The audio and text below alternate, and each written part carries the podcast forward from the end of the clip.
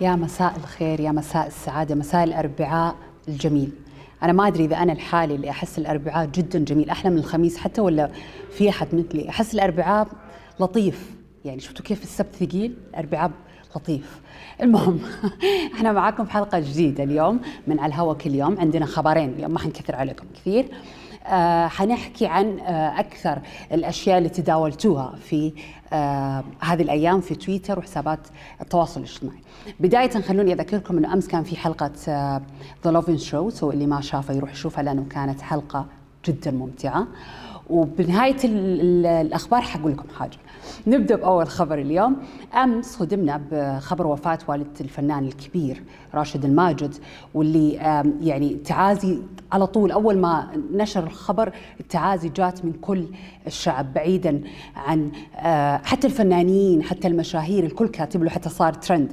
تعازينا للفنان راشد الماجد بوفاة والدته. كان من بين الناس اللي عزوه الفنان الكبير رابح صقر مع المستشار تركي آل الشيخ والرئيس التنفيذي لشركة روتانا اللي أعتذر اللي عزاه نيابة عنه عن كل المسؤولين في شركة روتانا. وطبعا اليوم شفنا الصورة اللي كان فيها الجثمان وطبعا إحنا بدورنا إحنا كمان نقول الله يرحمها يا رب ويغفر لها وإن شاء الله ربي يصبر الفنان الكبير راشد الماجد وأسرته الكريمة أكيد. خبرنا الثاني عن إيش فيني أنا اليوم؟ خبرنا الثاني عن السفير الأمريكي في السعودية.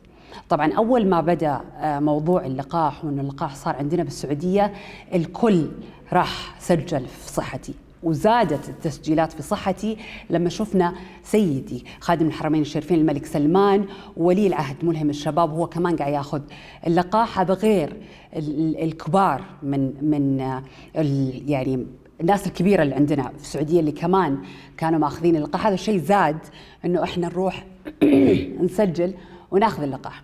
وأول يوم إحنا شفنا إنه اللقاح كان بياخذونه مواطن ومواطنة ومقيم. هذا الشيء يدل إنه إحنا بدولة خير وعطاء وما اقتصر آه يعني ما اقتصرت وزارة الصحة اللقاح لفقط المواطنين بالعكس لأي أحد على هذه الأرض آه ياخذ اللقاح ويقدر يسجل وأموره تتيسر. فقبل كم يوم شفنا السفير الأمريكي وهو قاعد ياخذ اللقاح هو وزوجته وكيف تكلم عن حفاوة التنظيم وجمال التنظيم. وكان له كلمة بسيطة آه حكى فيها عن إنه الفترة اللي جاء فيها كورونا هو كان موجود طبعا بالسعودية. وكيف كان الموضوع مخيف جدا وإن الوباء كان سريع الانتشار.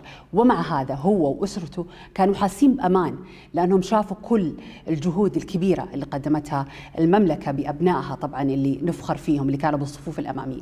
فهاي شيء يدفعنا أكيد للفخر ونحس إنه إحنا بالاعتزاز إنه إحنا كنا من الدول الأولى اللي أثبتت في في هذه الأزمة إنه إحنا يد واحدة وإنه إحنا أقوياء وإنه إحنا ضد أي شيء يجينا بعيد الشر عنا يعني يا رب.